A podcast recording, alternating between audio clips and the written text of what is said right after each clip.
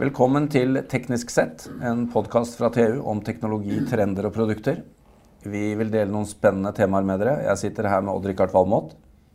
Hei, hei. Vår mange mangeårige TU-reporter. Mitt navn er Jan Moberg, og jeg er sjef i TU Media. Odd-Rikard, vi har gjentagende ganger snakket om eh, biler med elektrisk framdrift, enten da ved hjelp av batteri eller, eller hydrogen via batteri og så drift. Ja, Og det skjer jo utrolig mye spennende. det gjør det. Men hva med den gode, gamle stempelmotoren? Er, er, altså, hva, den har jo blitt videreutvikla Ja, ja. voldsomt de siste ti årene. Men er, når er det game over? Eller er det game over?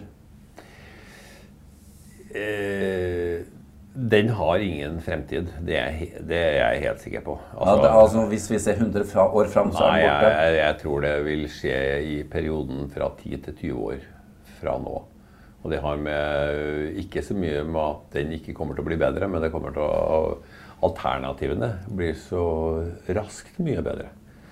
Og det er kanskje mer av med batteriteknologien som kommer til å utvikle seg så, så fort at uh, stempelmotoren utspiller sin rolle. Men hva har vært eh, de største forbedringene på stempelmotoren de siste ti årene? Nei, altså Hvis du går tilbake en del år, sant, så var jo både dieselen og, og bensinmotoren noe gamle, ekle greier. Jeg husker, altså jeg husker jo i min tid hvor jeg tilbrakte ungdommen med å overhale sånne motorer. Det, det, var, det var veldig morsomt. Men du måtte Det var tuning av forgassere, og det var tenningssystemer, og det var fortenning, og det var polering av kanaler og bytting av eh, kamaksler og ja, Det var enormt mye som måtte til i dag. Så, du gjør jo ikke sånt lenger. Altså en, en motor i dag En motor den gangen varte jo 100 000 km, ikke sant? og så måtte du bytte den ut. Nå varer jo motoren hele bilens levetid. Den er elektronisk styrt, ikke sant? Som, som alt annet. Men det har jeg selvfølgelig det er fremdeles den gamle eh, gassvekslinga som eh, er som, som har vært i siden tidenes morgen. Men både dieselen og bensinen har utvikla seg utrolig. altså. Spesielt på innsprøytningssida og på, i bensinens tilfelle på tenningssida. Ja, for eh, det er jo ikke mange år siden en bil som veier et tonn, brukte en liter på mila. Nå er det en bil som veier halvannet tonn, bruker 0,5. Ja, Det må jo ha skjedd en del Det har skjedd en fantastisk utvikling. Eh, og, men det er sånn eh, loven om avtagende grensenytte. ikke sant? Er, du, du klarer ikke å få tyne mer ut av det. Eh, Den er jo styrt av det her såkalte Carnot-prinsippet, som er eh, som en franskmann på 1700-tallet fant ut av forholdet mellom trykk og temperatur. Men vi, nå er vi kommet så langt å optimalisere det her at det er, vi begynner å hente ut de siste restene. Altså. Men det er jo selvfølgelig alt som alltid litt igjen. Og det som har skjedd de siste, de siste åra, og som fortsetter å skje, det er jo det her med downsizing. Eh, slagvolumer blir mindre og mindre. Og det beste eksempelet på det er jo den her motoren Ford lanserte for noen år siden. Hvor de klarte å presse 125 hestekrefter ut av en 1 liter tresylindra motor. Og det er jo et eksempel på downsizing. Før, altså I min tid var jo en 2 liter på 125 hester blodtrimma. Og nå er det en standardmotor. ikke sant? Og du har fått, fått turboen inn i bensinmotoren på samme måte som turboen har revolusjonert dieselmotoren.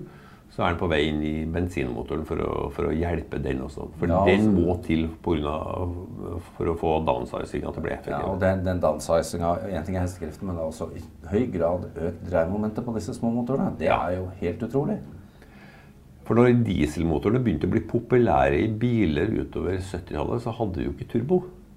Og de var jo også så sluggish at de knapt kom seg opp en bakke. ikke sant? Det var forkammermotorer med lavt turtallsspekter og veldig lav ytelse. Og så kom turboen øh, og en del annen teknologi og revolusjonerte dieselmotoren. Og det, det, det ble jo en dieselrevolusjon, men så har vi nå sett baksiden av den. da. Med Altså NOx. NOx og partikler. Ja. Og den her latterlige testinga vi har holdt på med i Europa. Vi tester et lite turtallsområde, og så kaller vi det rent. Det er bare tøys, viser det seg.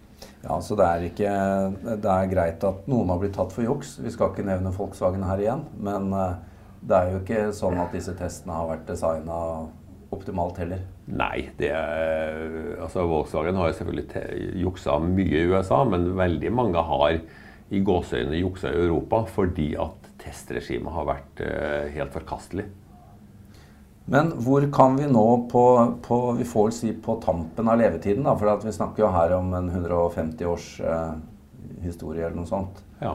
Eh, på tampen av levetiden, hvor kan vi forvente at eh, ytterligere forbedring skjer?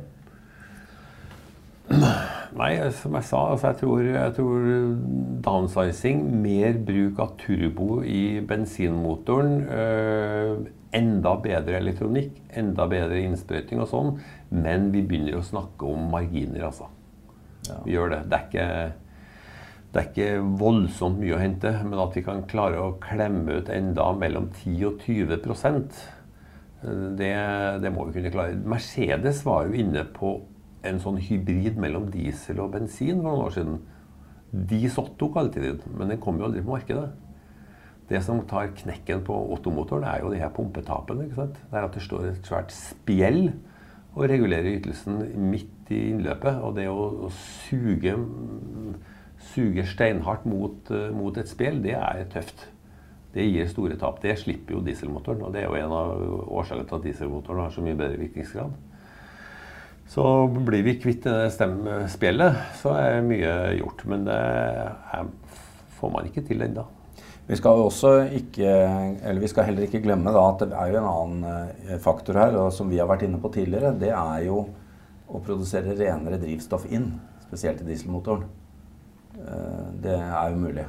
Og ja. Det har vi snakket om. Det, ja. vil, det vil jo i en overgangsperiode gjøre den mye mer miljøvennlig, i hvert fall. Ja, det gjør det. Men uh, sånn, uh, altså det har jo vist seg at de, de, er jo ikke helt ukontroversielle, de drivstoffene heller. Konferer palmeolje etc. Men at, at, det blir mer av det, det gjør det. Og da vil dieselmotoren uh, bli vesentlig renere. Både i partikler og NOx og annet grums. En annen ting siden vi er på denne tiden av året, dette med temperatur. Altså jo varmere det er, jo renere brenner det. Ja. Eller effektiviteten har i hvert fall en, Eh, temperaturpåvirkning. Da. Ja, virkningsgraden går jo opp med driftstemperaturen i motoren. Og da, da, er det jo interessant i disse utenbordsmotorstider å ta to ord om det. fordi at uh, der er det jo sånn at uh, de brenner ikke optimal temperatur. Nei. Nei fordi, fordi, de er vannkjølt. Med saltvann. Med saltvann. Ja. ja det er klart. En, de kunne ha fiksa en, en ferskvannsmotor som bare gikk i ferskvann. Og det at de ikke kan kjøre den varmt, er fordi at da krystalliserer saltet seg? Ja. Nettopp. Så de må ha en driftstemperatur for så vidt under 80 grader. Så når du er ute og kjører med utenbordsmotoren din på, på, på bensin, da, vi snakker om eh, vel også eh, Så er det ikke optimal forbrenning? Nei, det er et godt stykke unna. Ja. Altså Teoretisk kunne du øke virkningsgraden på en motor ganske betydelig, men du ville produsere så utrolig mye NOx det gjør de på en del uh, tunglastebiler som kjører med sånn AdBlue-anlegg. Som fikser NOx-en i uh, eksosanlegget ved å tilsette urea. Da kan du kjøre opp driftstemperaturen på motoren, men på et eller annet tidspunkt så smelter jo motoren. da. Ja. så, så det, det, er grenser for det òg. Ok, Hva er din avsluttende spådom her, eh, Odd-Rikard? Skal jeg kjøpe meg en stempelmotorbil, eller er det game over? Ja, jeg jeg har jo nettopp kjøpt meg en hybrid, da. Eh, som med bensinmotor.